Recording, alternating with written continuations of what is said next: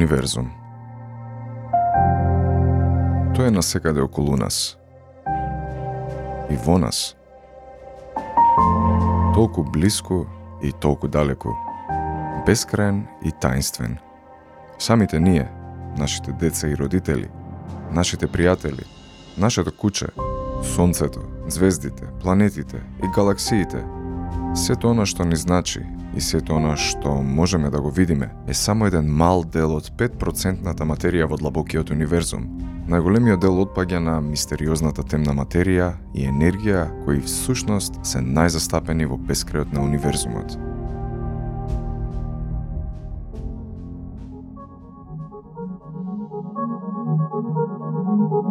Астрофизичарот Марко Шунтов е најновиот член на тимот Наука за сите и е еден од редките луѓе кои што одат чекор понапред во разрешувањето на мистериите на универзумот. Со любопитност голема колку и самиот универзум, со макотрпна работа и знаење, како дел од Сорбона Универзитетот, ги проучува најдалечните галаксии, заедно со темните невидливи делови кои тивкот леат во утробата на универзумот.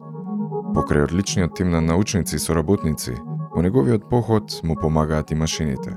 Нивните паметни алгоритми стануваат се подобри и подобри во идентификувањето на досега непознатите галаксии. Затоа, не ја пропуштајте волшебната Маркова приказна во оваа 11 епизода од Наука за сите подкастот, во која што тој ја открива во разговор со Атанас Кириаковски.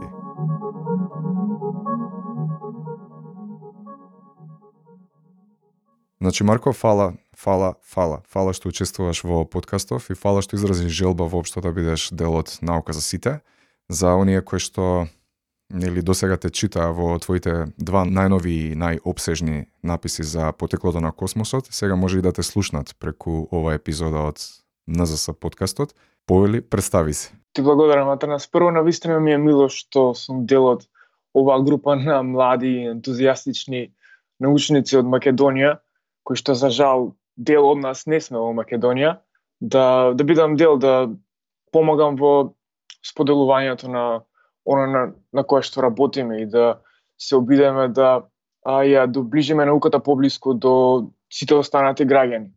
Да, секогаш им велам барем барем во денешно време нели со можноста на технологијата и далечината и не представува толку проблем. Еве тука сме комуницираме, Битно е нели да се има интерес за развојот на науката во Македонија. Прочем и тоа е една од целите на наука за сите. Морам да кажам само позадинската приказна за тебе, а, значи добив неочекувано така на мое пријатно изненадување мел од тебе. Навистина ми е многу мило што ете на некој начин нашиот сајт и нашава иницијатива представа некаков разглас и ете исклучителни луѓе како тебе слушнале нешто за тоа и покажале интерес и на вистина, на вистина го ценам тоа. На вистина е време, значи, оние луѓе кои што имаат на вистина нешто што да кажат, стварно да го кажат отворено. Да, се согласувам со тоа и бев многу пријатно изненаден за прв пат кога кога го видов сајтот и кога го видов дека кога видов дека на вистина квалитетна содржина има и дека ја питаа содржина ја пишуваат научници кои што се на вистина квалитетни, дел од нив ги знам навистина и мене ми представуваше чест да се вклучам во овој во овој проект.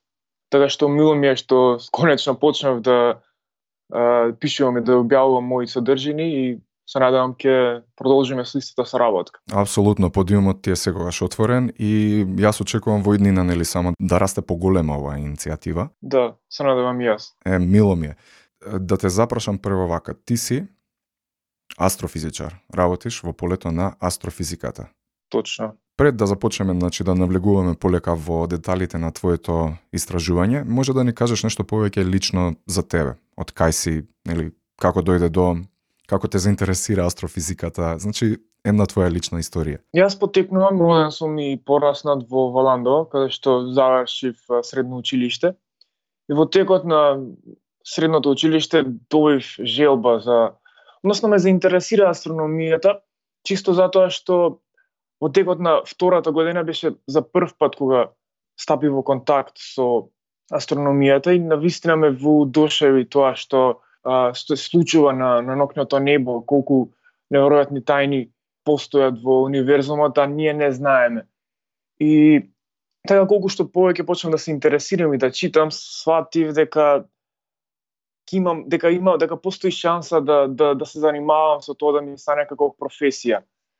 И после тоа одлучив, сватив всушност дека за да можам да се занимавам со астрономија и да ја да го изучувам универзумот, мора прво да ги научам основите, односно да научам физика и математика. Така што тоа ме наведе да се запишам на природно-математички факултет на физика, чисто на на а, од секториска физика и кое што ја завршив за 4 години и по завршувањето на до дипломските студии решив дека сега ја имам доволната основа за да продолжам во полето на астрономијата, затоа што астрономијата и астрофизиката се сметаат за една како а, дисциплина доста напредна која што се заснова на сите физички закони, че на закони кои што многу различни полиња во физиката се соединуваат за да за да може да се изучува астрономијата. Така што многу е важно прво да да се знаат тие закони за да може да се изучува астрономијата на на на најнапредно ниво. Така, да се научи прво јазикот на вселената, нели под наводници. Да можеш да ја прочиташ. Така. Mm -hmm, да. Mm -hmm. И ам, кажи ми само пред да продолжиме, а, формално кој е разликата, дали има разлика помеѓу астрономија и астрофизика?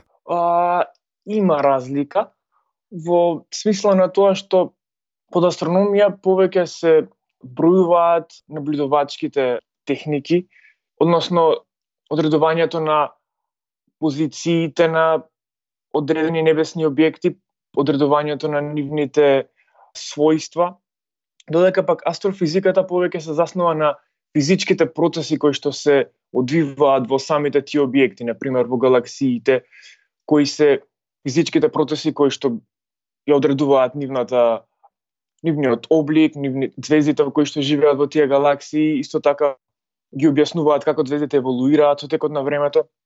Сето тоа се а, го фаќа астрофизиката. Додека пак ќе напоменам повторно, астрономијата повеќе се смета дека ги изучува чисто а, позициите на објектите на, на небото, како се тие распределени. Mm -hmm. Значи повеќе како оф, опис на некоја си варијанта на на проучувањето така. на космосот, така. Да. Додека физиката е повеќе во контекст на моделирање, во контекст на експериментирање за да се потврдат одредени модели и така натаму. Да, пример можам да дадам да во астрофизиката се се користат законите на пример на квантната на квантна механика која што е чисто физичка теорија, потоа се користат законите на на општата теорија на релативност, додека пак во астрономијата повеќе се заснуваат на, на, на опишување на небесните објекти и за сите тие методи кои што помагаат во во нивното опишување.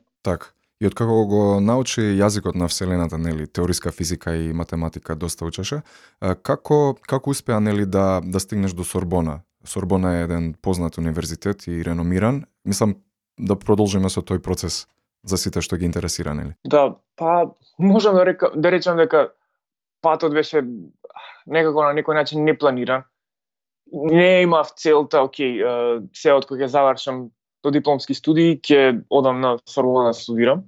Туку единствено во текот на четвртата година пред завршувањето прв пат стапив во контакт со екстрагалактичка астрономија или екстрагалактичка астрофизика исто така, кои што се кои што кои што ги изучуваат галаксиите кои што се наоѓаат далеко од нашиот Млечен пат, од нашата галаксија. И таа област навистина ме заинтересира и за жал кај нас на ПМФ немаше група која што изучува екстрагалактичка астрономија.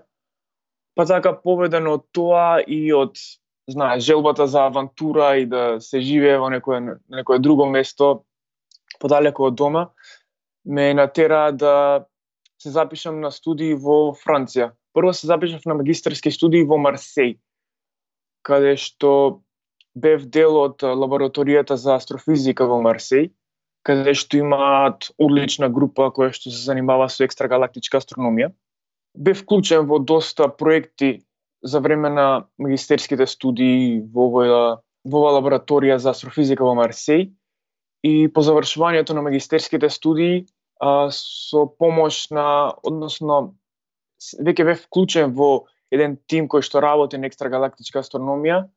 Тие ме препорачаа за докторски студии во една друга група која што е поврзана со истата група во Марсеј, во една друга група во Париз, во која на која што во која што јас се вклучив за, за моите докторски аплицирав прво официјално на Универзитетот во Сорбона, бидејќи оваа научна група беше дел од Универзитетот во Сорбона и дел од Институтот во, по астрофизика во Париз. Па поминав ни сите тие официјални процедури на апликација, на интервјуа, на, на аплицирање за, за докторски студии, така што бев примен и во оваа научна група која што е дел од Сорбона и Институтот, Институтот по астрофизика во Париз. Така што мојата идеја не беше да се запишам на некој универзитет кој што така има звучно име или е престижен, туку повеќе ми беше, повеќе бе воден од тоа да бидам дел од навистина квалитетна истражувачка група, која што се испостави дека е дел од овој квалитетен, реномиран институт по так, физика тоа е одлична поента која што често пати така во неформални разговори ја истакнувам дека репутацијата на универзитетот понекогаш нели тоа е на сумирана вредност, еден сумиран индекс од различни тие нели факултети кои што ги поседува институти, но понекогаш вредноста на еден институт или на една научна програма може да биде многу нели поголема од она просечна вредност на самиот универзитет. Така што секогаш Токму нели така. Но исто и обратно. Да, исто и обратно, секако. Но моја препорака затоа велам секогаш прво погледнете некаква или доколку некој сака да студира и да проучува нешто, битно е да се погледне програмата, битно е да се погледне значи вредноста и репутацијата на одреден факултет или институт внатре во одреден универзитет, отколку нели генералниот статус на на универзитетот. Понекогаш е тоа поважно. Да, се согласувам. Поважно е а, да се одбере научната група и так. да се одберат менторите кои што се докажано квалитетни, кои што не само квалитетни во нивната научно-истражувачка работа, туку квалитетни како како ментори. Како ментори кои што имаат вистински човечки вредности, кои што ќе може да ти помогнат и кои што ќе можеш да напреднуваш и да го истражуваш она што е релевантно, бидејќи постојат ментори кои што ќе те навадат да работиш нешто што е наистина нереле, нерелевантно за Така, или нема да ти обрнат доволно внимание колку што е Точно. потребно. Така, така. Јасно, јасно, јасно. Да. Е, добро. Ај, вака кажи ми, вака сега да почнеме полека да зборуваме конкретно за твојата работа, на која што работиш да. во моментот. А, може нешто да ни кажеш повеќе околу тоа? Да, може.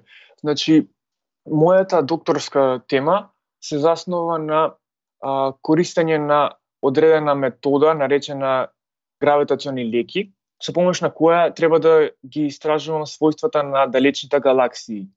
Има една интересна споредба за тоа кој е проблемот кој што пробуваме да го решиме. Илустрацијата која што можам да ја дадам е следнава. Да замислиме еден, а, еден базен полн со вода, кој што на дното е секако нели поплочен. Шемата на плочките ја знаеме како изгледа, знаеме дека е правоаголна. Меѓутоа, кога ја кога ја гледа кога го гледаме дното од базенот поради тоа што зраците поминуваат низ водата се прекаршуваат на најразличен е, начин ние ги гледаме ние не го гледаме дното на водата во таа правоаголна права шема туку го гледаме а, дисторзирана, така? Искривена, искршена. Искривена, да, искршена да, на многу да. различни начини. Е од само преку наблюдување на овие искршени линии кој што треба да се прави, ние се обидуваме да ги осознаеме сите својства на водата. Која е температурата на водата, да речеме, која е а, густината на водата, во каква состојба се наоѓа водата.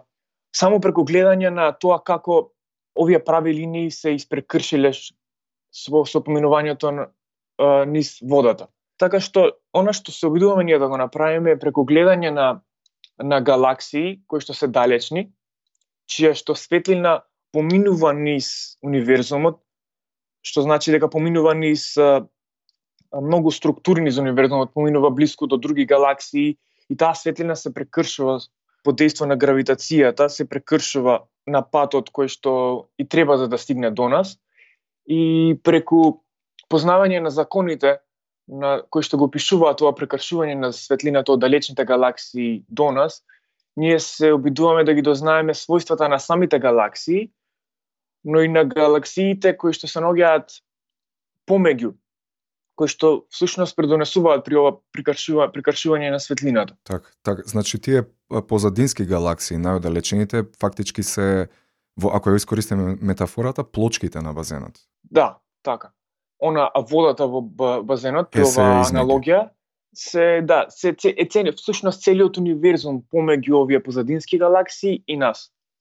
И со помош на тоа ги одредуваме всушност својствата на универзумот како што се која е хабловата константа, односно кој колку брзо се шири универзумот, колку колку материја има универзумот, колку темна материја има универзумот и колку темна енергија има универзумот. Така ќе позбориме за тоа малце. Кажи ми, како се мери оддалеченоста на галаксиите, нели останатите објекти во Вселената? Како знаете дека одредени галаксии се нели позадински и со тоа ако го преведеме тоа во просторни единици, нели, ако се позаздински, значи дека се подалечени од оние останати објекти кои што се наоѓаат измеѓу. Затоа тоа ми е прашањето како како воопшто возможно е вие астрофизичарите да го да го одредите тоа? Како како ги мерите далечините? Значи навистина далечиноста на објектите во вселената е едно од можам да речам централните проблеми во во астрономијата. И одредувањето на далечината воопшто не е лесен и тривијален проблем. Така што постојат посебни е, техники кои што се индиректни е, техники за одредување на растојанијата. И во принцип колку подалечен е оден еден објект, е, вселенски објект, постојат различни методи за за одредување на далечината. На пример да почнеме со ако почнеме со сончевиот систем, за да одредиме дистанца до, до објект до сончевиот систем, обично ја наблюдуваме орбитата на тоа тело и на тој начин можеме да ја одредиме, да го одредиме растојанието. Но додека пак сакаме ако сакаме да одредиме растојание до звезда која што се наоѓа во нашиот млечен пат и сега ако се наоѓа на далечно растојание, мора да употребиме друга техника, најчесто техниката на паралакса, тоа дека звездите привидно се поместуваат, кога се наблюдуваат од различни агли.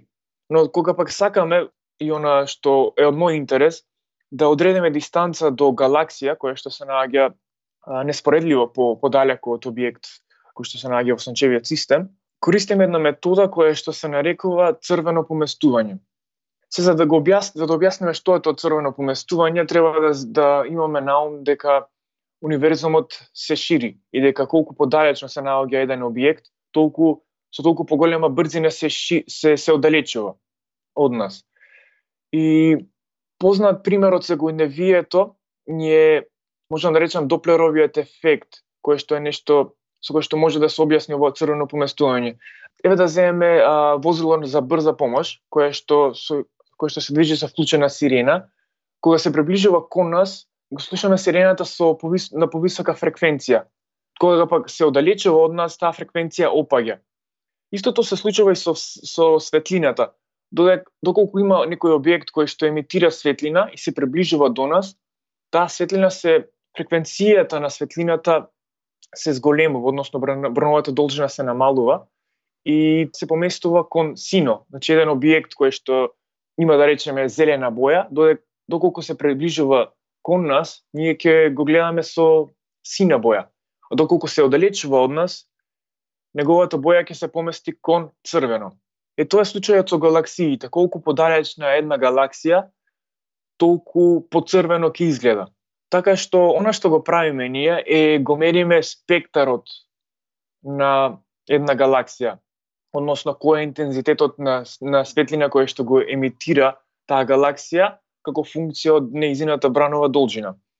И колку подалечно се наоѓа оваа галаксија, толку неизиниот спектар е поместен кон црвениот дел од, од спектарот. И постојат одредени релации кои што ве поврзуваат ова а, поместување на спектарот со тоа колку далеку таа се наоѓа во физички единици. И така што овој овој проблем се сведува на а, фотографирање на галаксија и мерење на нејзиниот спектар. Па потоа се одредува колку овој спектар е поместен кон црвениот дел и со ова поместување се подоа се одредува низиното растојание. Бидејќи вашите анализи се базираат врз анализи на слики, така снимени да. од разни предпоставам телескопи низ целиот свет.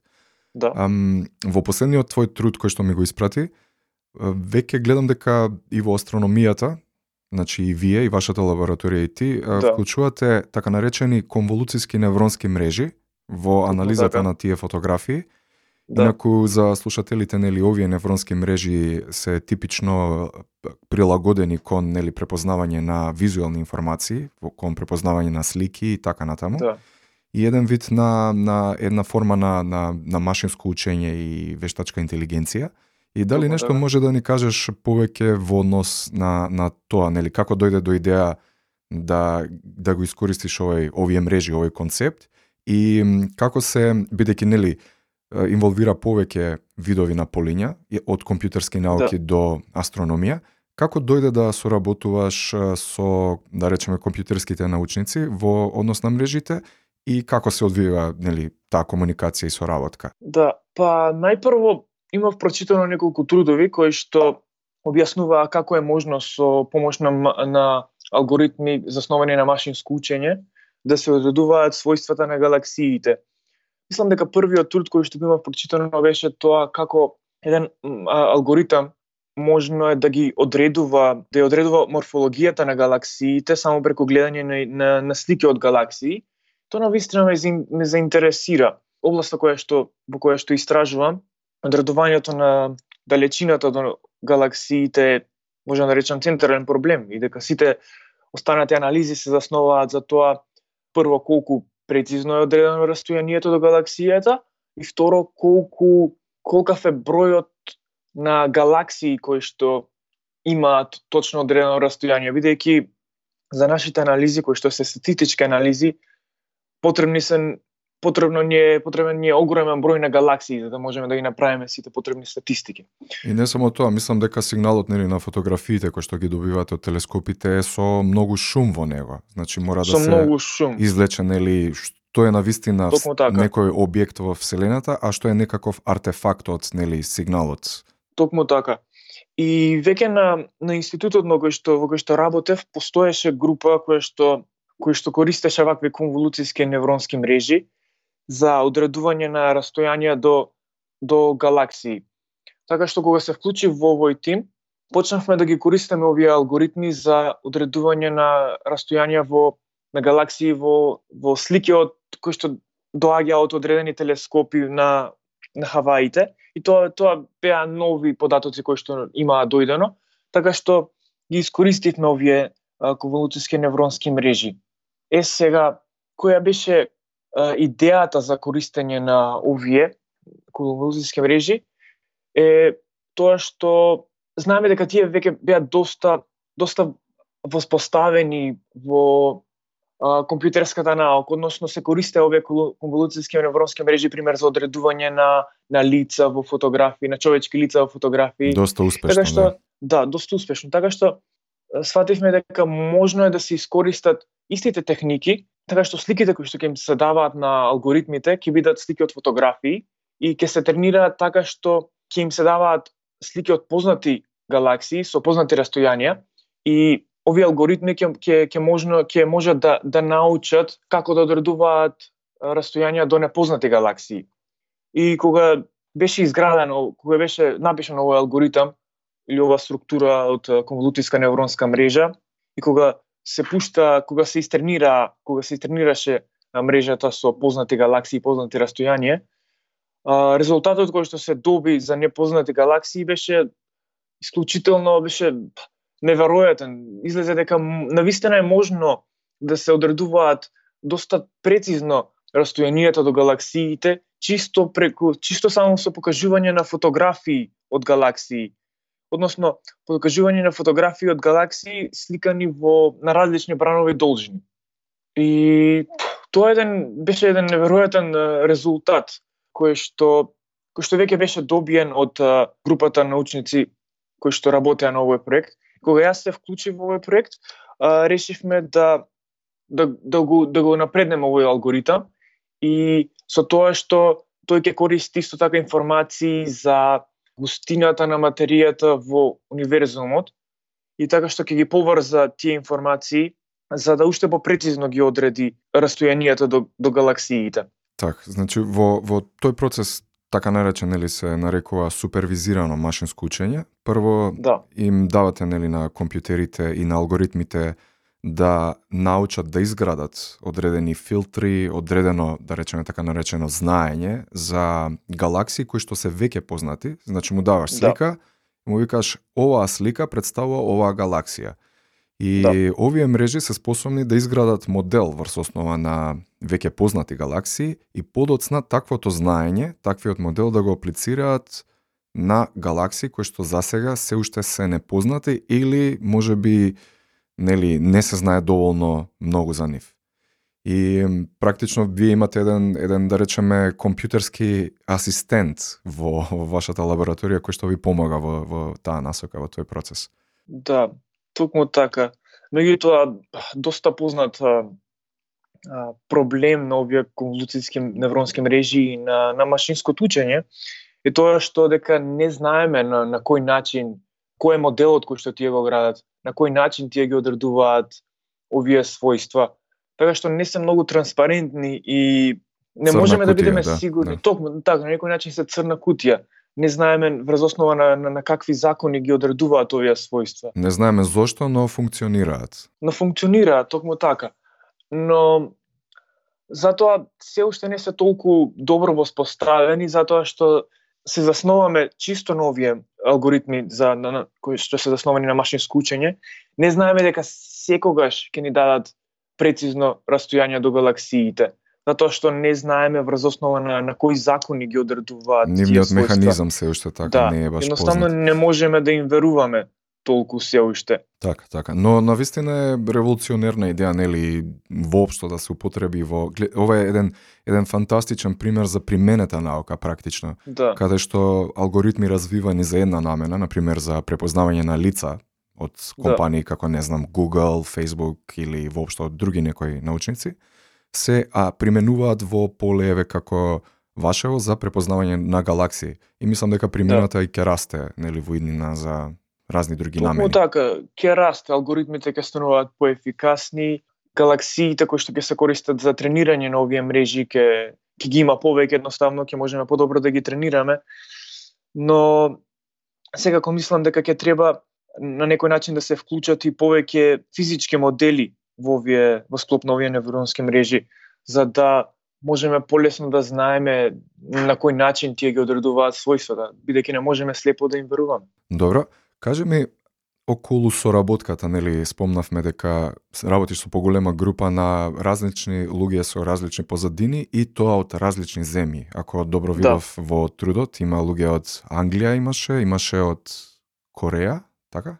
Од токму така, да. Од Кореја и мислам како онака накратко опишени како како успевате да комуницирате, нели, да да ги координирате сите активности практично, значи како изгледа тоа истражување? Таа соработка? Основата на оваа меѓународна соработка лежи во тоа што а, ние мораме да користиме податоци кои што доаѓаат од многу различни телескопи, кои што се наоѓаат, кои што се наоѓаат на во различни земји, кои што се изградени од а, различни од научници кои што се кои, од, од различни земји.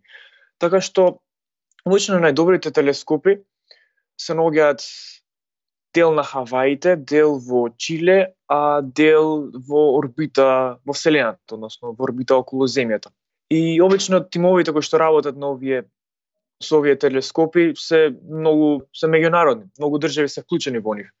Така што обично во речи се сите трудови во астроном, во астрономијата бидејќи најчесто проблемите се доста комплексни и прво за да искористиш некои податоци, тие податоци прво мора да се обработени од некој друг тим кој што е тесно поврзан со одред со телескопот и што податоци ги користиш. Така што неизбежно е ова меѓународна соработка. А начинот на комуникација е најчесто преку преку интернет, преку различните сервиси за конференции, за телеконференции. Меѓутоа, неизоставен дел е и патувањето. Mm -hmm, mm -hmm. А имате и нели претпоставам и заеднички сервери каде што споделувате податоци едни со други, Токму мейл така, комуникација и така. Чисто чисто идејата ми беше да да добијат слушателите една слика, еден впечаток како нели да. една група на научници од различни точки на планетава со различни Да. позадини успеваат нели да се синхронизираат, координираат Да. и да комуницираат заеднички. Да, значи синхронизираната соработка е на тој начин што а, секоја група која што се наоѓа во својата држава си ги обработува податоците и го сработува својот својот дел од, работ од работата и тие податоци ги прикачува на заедничкиот сервер. И така што на тој сервер обично се прават сите тие пресметки и обработка на податоци кои што кои што ние ги користиме. Јасно, јасно. Е сега, спомнавме дека имаш одредени сознанија, односно проучувате објекти во Вселената како црни дупки, нели, црна материја, ен- енергија Да. и така натаму. Што всушност представуваат таквите објекти? А, во ред. Црне, црните дупки се доста поразлични од црната, темната енергија и темната материја, иако имињата може да звучат некако поврзано. Значи, црните дупки се чисто крајна фаза од еволуцијата на најмасивните звезди. Значи, кога материјата од кога голем, кога огромна маса од материја ќе се сконцентрира во многу во многу мали димензии, силата на гравитацијата е толку силна што дури ни светлината не може да избега од гравитационото поле на овие црни дупки и чисто дека фактот дека тие не може да да зрачат, односно све- светлината не може да излезе од овие црни дупки, чисто затоа го добиваат тоа име црни дупки, бидејќи светлината не може да, да излезе од нив. Но како концепт се многу поразлични од она што се нарекува темна материја или темна Токму енергија така. или црна материја, црна енергија. Да, темната материја е видот на материја која што преовладува во универзумот. Односно, поголемиот дел од материјата, од цела материја која што е присутна во универзумот е темна на тој начин што таа не може да се детектира на истиот начин на кој што е детектирана матери- материјата која што обичната материја, материја која што зрачи светлина. Темната а, материја не зрачи а, светлина, не зрачи фотони кои што може да се наблюдуваат. А, меѓутоа се наоѓа секаде. Многу е измешана е со обичната материја, но, ја има во многу по поголем процент. Така, како знаеме дека се наоѓа секаде? Ако не можеме да ја видиме. Па знаеме дека се наоѓа секаде за затоа што уште од на, на уште со почетокот на универзумот со, со односот на, на, на, на темна материја и обична материја е ист како и денес. Значи универзумот е едноставно создаден со таква пропорција на темна материја и темна енергија. Е сега бидејќи не ја наблюдуваме ние директно, ние можеме да речеме дека воопшто и не постои. Меѓутоа кога го наблюдуваме движењето на галаксиите во вселената и од, исто така движењето на звездите во една галаксија, ние заклучуваме дека тие не може да се движат на тој начин чисто доколку во галаксијата е присутна само оби, оби само обична материја бидејќи постојат закони кои што поврзуваат масата на галаксијата и движењето на една звезда околу галаксијата. И брзините на- со кои што се движат тие звезди соодветствуваат со маса на галаксијата која што е многу неколку пати поголема од масата која што може да се наблюдува, масата на звездите кои што зрачат енергија. И тоа е еден од доказите дека мора да постои, мора овие галаксии да се обвиткани во така наречени хала од темна материја која што ќе која што ќе придонесува во во масата на галаксијата и нивната нивниот гравитационен ефект. Така што за да се објаснат многу појави во во универзумот и однесувањето од движењето на галаксиите, мора да постои, мора да се вклучи оваа темна енергија со тој сооднос кој што е а, поголем од а, не, повеќе од три пати поголем од а, обичната материја. Едноставно кажано, има нешто невидливо што влие врз Што видливото. влија така во вселената. така. Така, така. Да. И, фак, практично и, индиректно го проучуваме преку тие негови ефекти, нели, како гравитација и така натаму. Да, да. Меѓутоа, да, така се проучува во во космологијата и во, во астрофизиката. Е сега друг друга област од физиката, односно физиката на на честички, се обидува пак да ја да проучи да осознае што всушност е темната материја, од што е изградена. Можам да речам дека она што ние го правиме во во астрофизиката и во космологијата е чисто ги изучуваме својствата на темната материја во универзумот, значи на големи размери.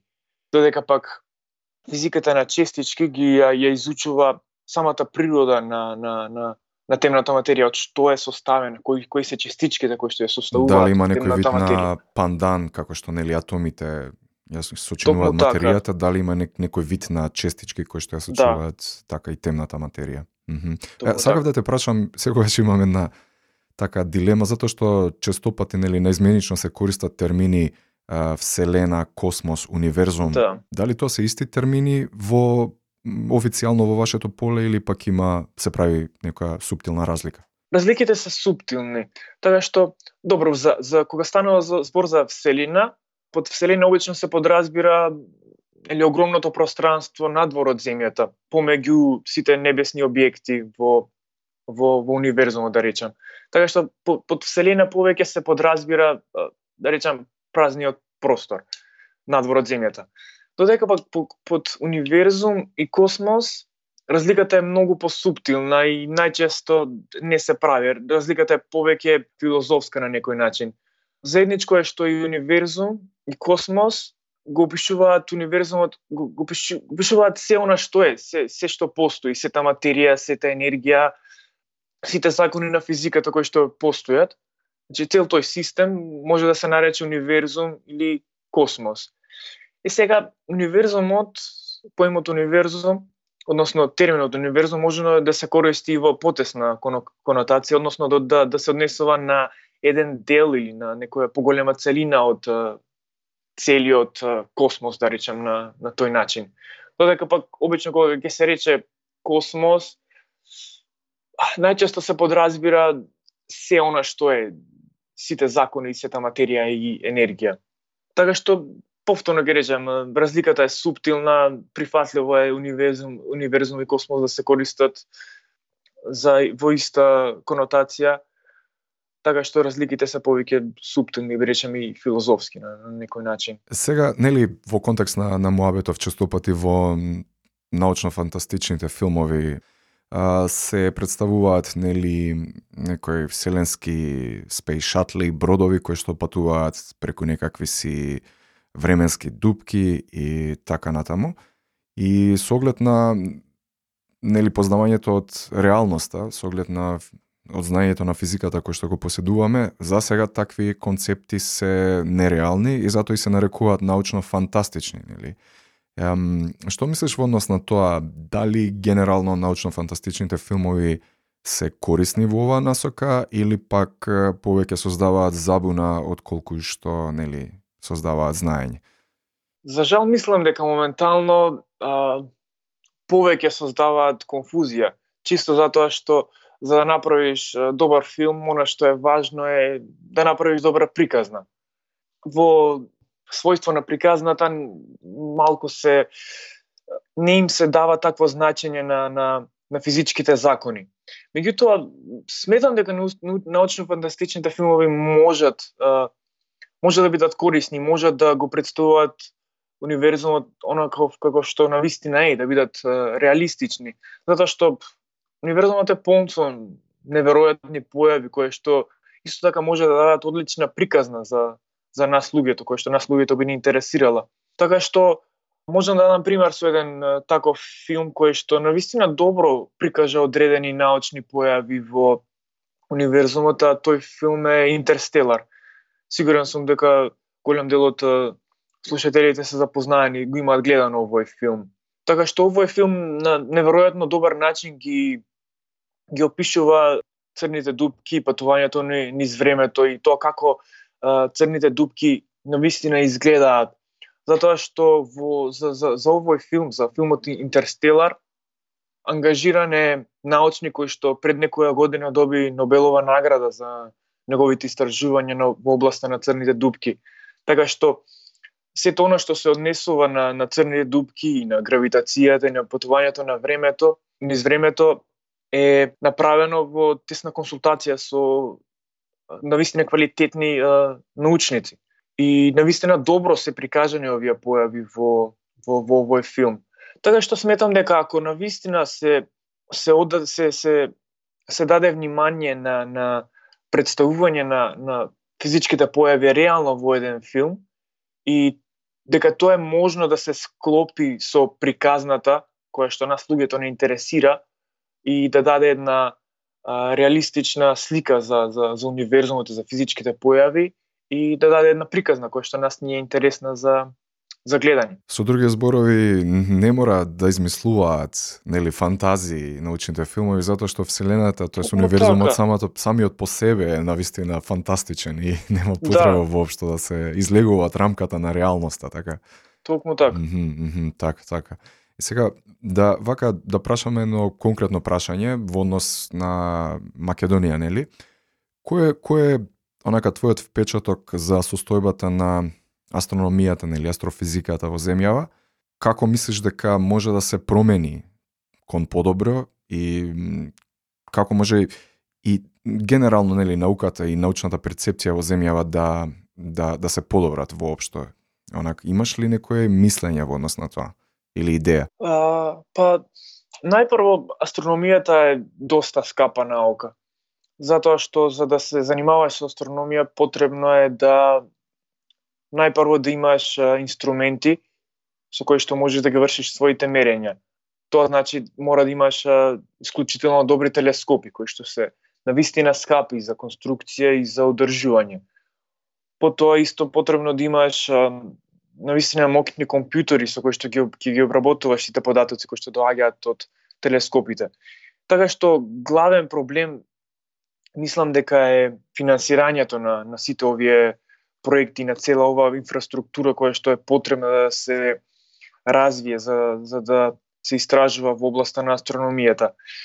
Е сега, со она што го имаме во државата и со, со финансиите кои што не се располагање, можно е сепак секако да, да се работи на астрономија со тоа што би биле вклучени во на различни меѓународни проекти, така што би, би придонесувале чисто со научници кои што ќе се едуцираат на овие меѓународни проекти кои што ќе добиваат дел од оние податоци кои што се кои што се добиваат со наблюдување од телескопите и би се обработувале кај нас од наши научници кои што ги би, би, ги, би ги објавувале тие трудови.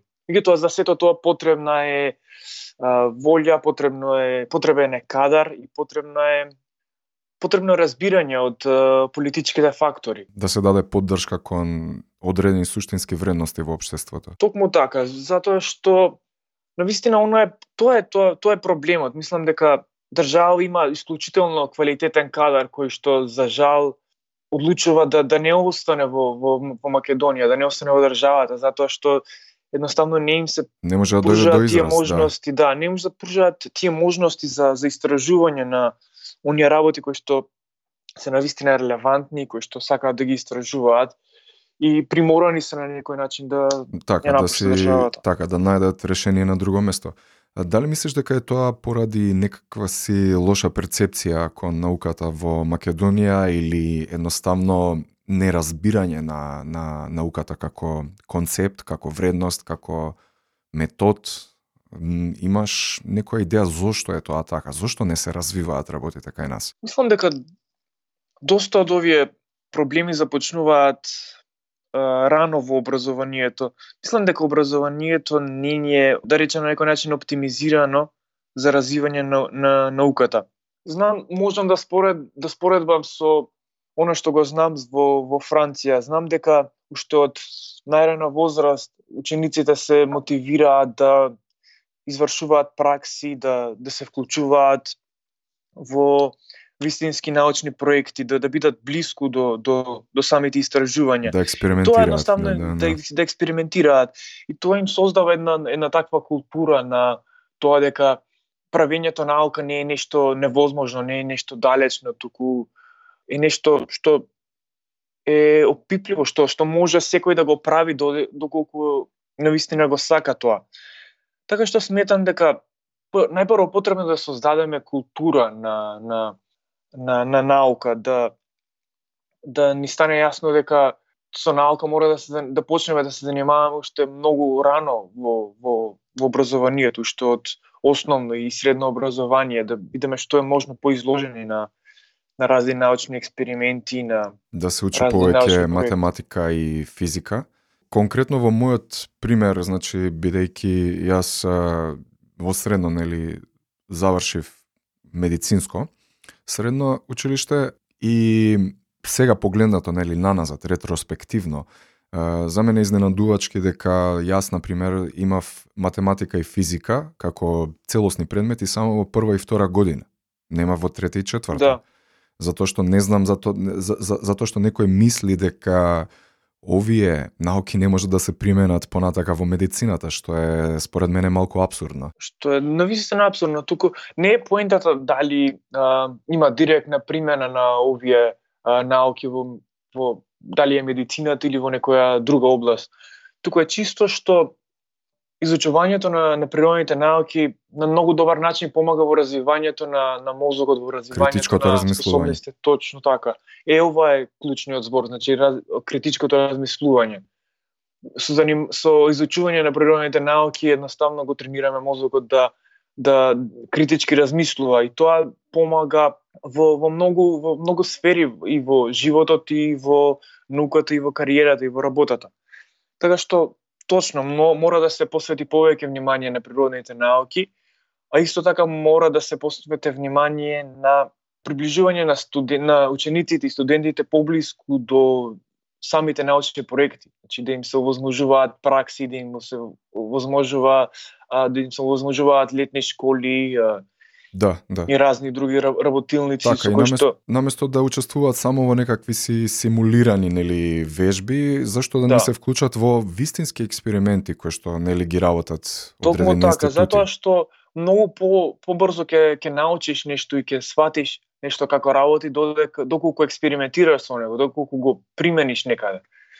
Така што многу би помогнало тоа доколку би се вклучиле повеќе повеќе повеќе експериментирање, повеќе проекти во, во самото во самото образование. Да, да, да, така е Марко, да. Навистина мудри зборови и се надевам дека ќе допрат до вистински до оние уши до кои што треба да допрат, нели? Да.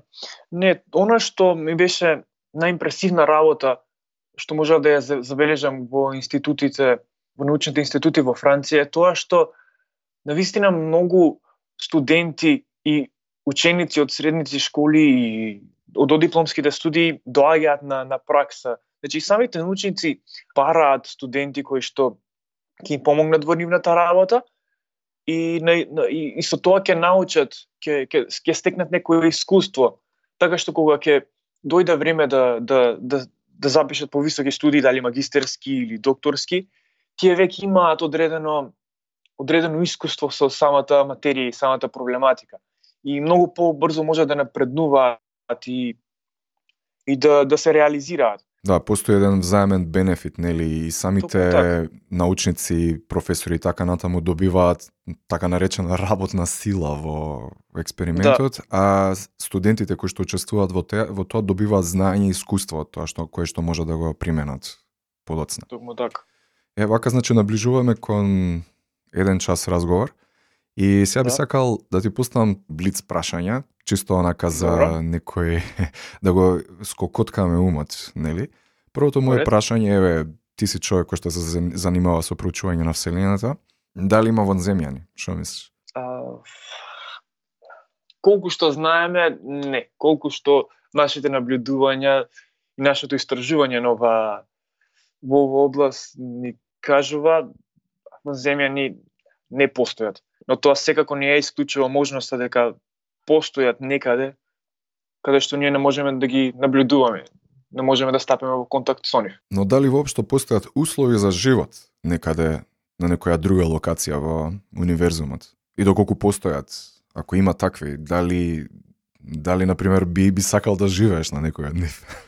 па да, значи колку што знаеме според сите истражувања кои што имаме направено до сега, колку што јас знам, немаме пронајдено услови за живот на други планети, на други околу други звезди. Тогаш немаме многу опции, така? Тогаш немаме многу опции, но секпак тоа не е исклучува можноста дека некаде каде што ние немаме наблюдување или каде што не можеме да наблюдуваме постојат а, други а, форми на живот.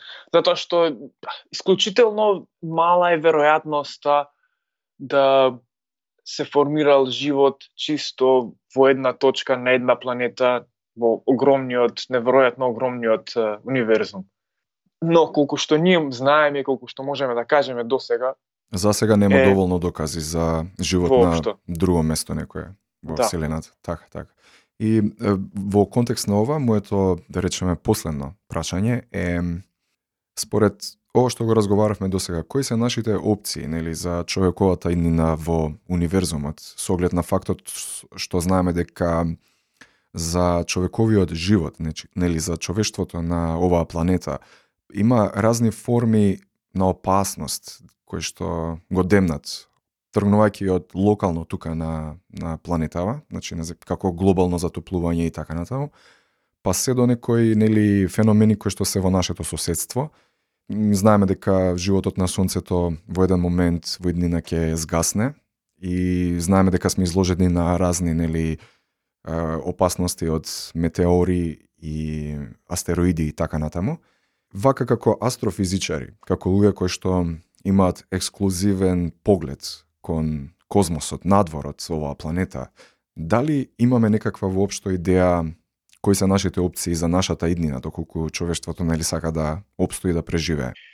Да, Па, човекот е неверојатно кревко суштество. Споредено со неверојатно суровите услови кои што превладуваат во универзумот, ние не можеме да преживееме во во услови кои што се многу поразлични од земјата. Дури и на земјата овие во, во овие услови кои што се идеални за човекот е многу лесно за еден човек да да да го загуби својот живот.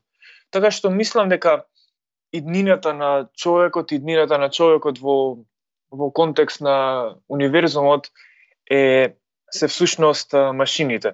Всушност е она што може да ја раскаже приказната за човештвото и да остави, да остави некое човештво, човечко наследство се машините или симбиозата помеѓу биолошките луѓе и помеѓу машините.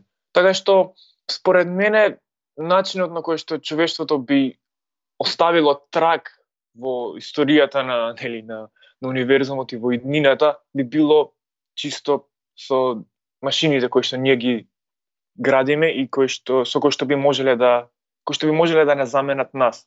Затоа што на тој начин би било повозможно машините да го истражат прво сончевиот систем, но и поширокиот универзум, нашата галаксија и останатите галаксии. Така што сметам дека условите за живот на еден човек, на еден биолошки човек се многу лимитирани. Значи човекот може да остане само на, на, на да опстане само на земјата. Меѓутоа тоа не значи дека а, една машина направена од човекот кој што може да го замени човекот, та би можела да живее во било кое место во, во универзумот. Така, значи мора да да пронајдеме поробустна физичка форма. Токму така каде што ќе ја сместиме наша, нашата свест, ајде да речеме, или нашиот код. Да. И и не сме далеку од тоа всушност. Не сме така, далеку така, од така, тоа. Така. Еј, вау, фантастичен разговор со тебе, Марко. Не, не ни очекував помалку, на вистина.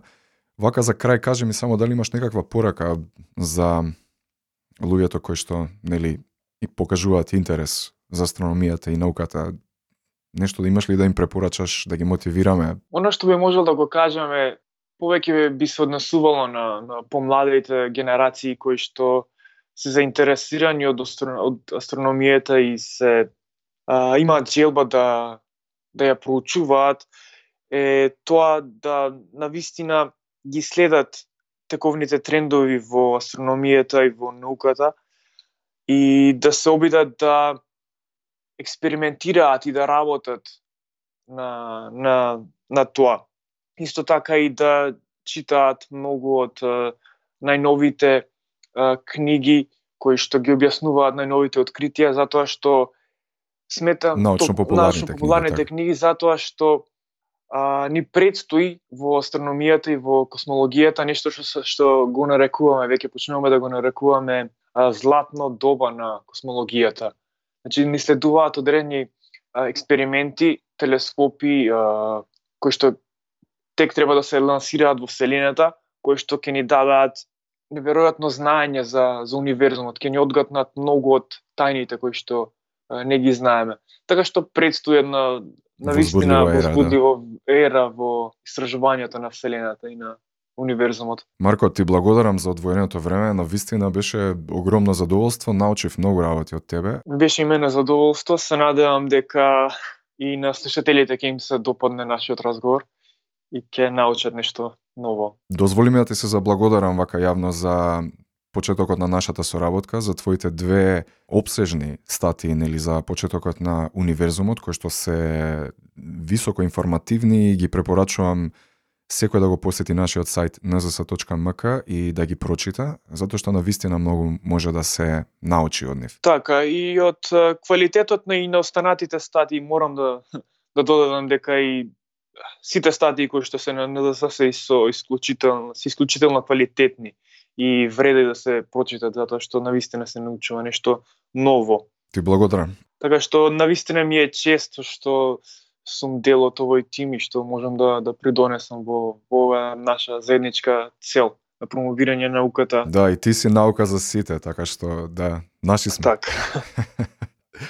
Се слушаме повторно. Фала ти на вистина за времето. Ти благодарам, Атанас, па се слушаме повторно. Важи, Марко. Поздрав. Поздрав.